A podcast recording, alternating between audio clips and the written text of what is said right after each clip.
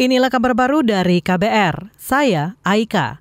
Pemerintah menargetkan masalah sertifikasi tanah tempat ibadah akan selesai tahun depan. Menteri Agraria dan Tata Ruang sekaligus Kepala Badan Pertanahan Nasional Hadi Cahyanto mengatakan, sertifikasi tanah tempat ibadah tidak akan bersifat diskriminasi. Kata Hadi, pura, klenteng, gereja, dan masjid akan memperoleh sertifikasi tanah. Menteri ATR BPN menjelaskan pemerintah daerah akan membagi beberapa kategori untuk proses program pendaftaran tanah sistematis lengkap atau PTSL. Ada yang berbayar 50 persen, ada juga yang bebas biaya termasuk untuk pendaftaran tanah tempat ibadah. Saat ini, saudara, pemetaan bidang tanah bisa dilakukan menggunakan drone atau pesawat nirawak. Drone akan mendeteksi patok-patok pembatas tanah. Jika diketahui lokasi tanah itu merupakan tempat ibadah, maka sertifikat tanah bisa langsung diproses. Kita beralih, keputusan Mahkamah Konstitusi terkait perpanjangan masa jabatan pimpinan Komisi Pemberantasan Korupsi KPK dinilai bersifat diskriminatif. Penilaian itu disampaikan pakar hukum tata negara dari Universitas Pajajaran Bandung, Susi Dwi Haryanti.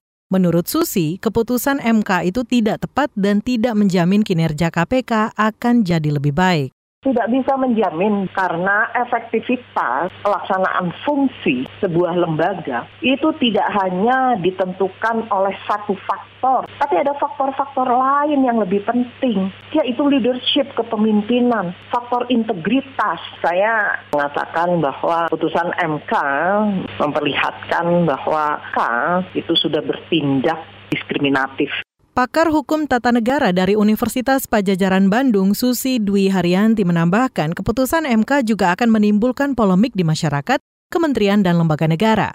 Sebelumnya, Mahkamah Konstitusi mengabulkan seluruh gugatan Wakil Ketua KPK Nurul Gufron terkait masa jabatan pimpinan KPK yang semula empat menjadi lima tahun. Dalam pertimbangannya, MK menyatakan keputusan itu diambil untuk melindungi independensi KPK. Kita ke Jawa Timur. Dua personil polisi terluka dikeroyok ratusan pesilat di Jombang.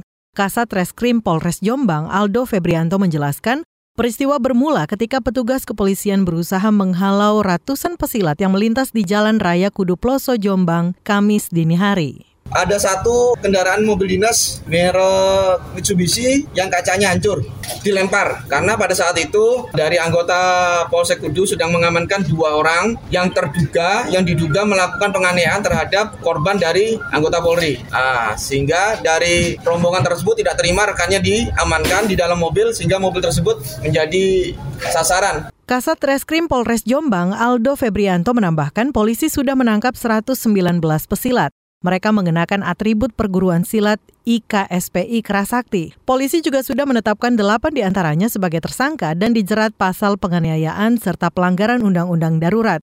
Polisi menyita barang bukti berupa batu, pecahan kaca, dan senjata tajam. Demikian kabar baru dari KBR. Saya Aika.